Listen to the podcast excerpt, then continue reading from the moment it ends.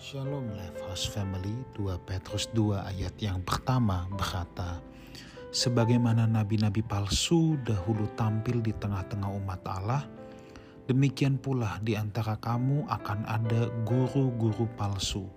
Mereka akan memasukkan pengajaran-pengajaran sesat yang membinasakan, bahkan mereka akan menyangkal penguasa yang telah menebus mereka dan dengan jalan demikian segera mendatangkan kebinasaan atas diri mereka. Saudaraku rupanya sudah dinubuatkan oleh kitab Petrus bahwa akan ada nabi-nabi palsu dan guru-guru palsu.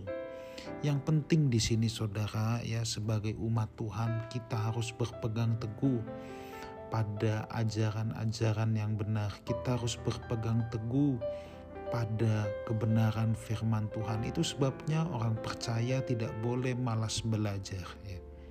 Di sini dikatakan bahwa ciri guru palsu itu adalah menyangkal penguasa yang telah menebus mereka. Nah, ini menyangkal Yesus, saudaraku. Mungkin menyangkalnya tidak terang-terangan, tetapi bisa mengajarkan ajaran-ajaran yang sangat melawan fundamental iman Kristen.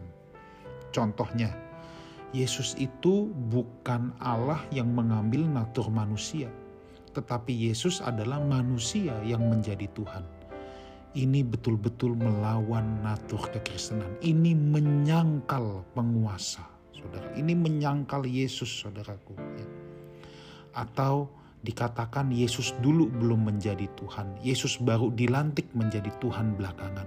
Ini betul-betul menyangkal iman Kristen. Saya harus katakan ini kepada Bapak Ibu Saudara Lifehouse Family sebab ini adalah hal yang fundamental Saudara ya. Kalau orang memperdebatkan ya katakanlah doktrin kemakmuran, doktrin penderitaan, boleh nggak ini itu Saudara? Bagi saya itu masalah pandangan, masalah tafsir itu adalah masalah kedewasaan. Tetapi kalau menyangkal ketuhanan Kristus bahwa ia setara dengan Allah, bahwa dia dari kekal sampai kekal, ya. Bahwa dia adalah juga Allah, bahwa dia adalah Allah yang berinkarnasi menjadi manusia, bahwa dialah sang logos yang dituliskan oleh Yohanes pasal yang pertama, firman yang menjadi manusia. Ya, bahwa Yesus sudah ada sejak sebelum Abraham ada. Eksistensi dia kekal, saudaraku. Sejak sebelum dunia diciptakan, bahkan dia yang menciptakan dunia ini. Kalau hal ini disangkal, saudara, ini fundamental dalam kekristenan. Ini fundamental dalam iman Kristen. Tidak mengakui ini bukan Kristen. Tidak mengakui ini jangan menyebut diri Kristen.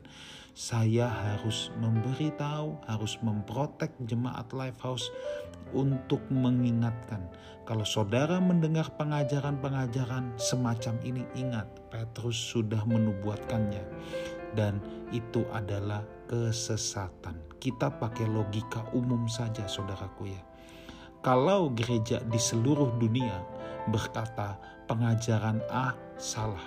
Lalu yang A merasa gereja seluruh dunia yang salah bahwa hanya pengajaran dialah yang paling benar, pengajaran dialah yang original dari Tuhan yang paling betul. Ini logika akal sehat aja.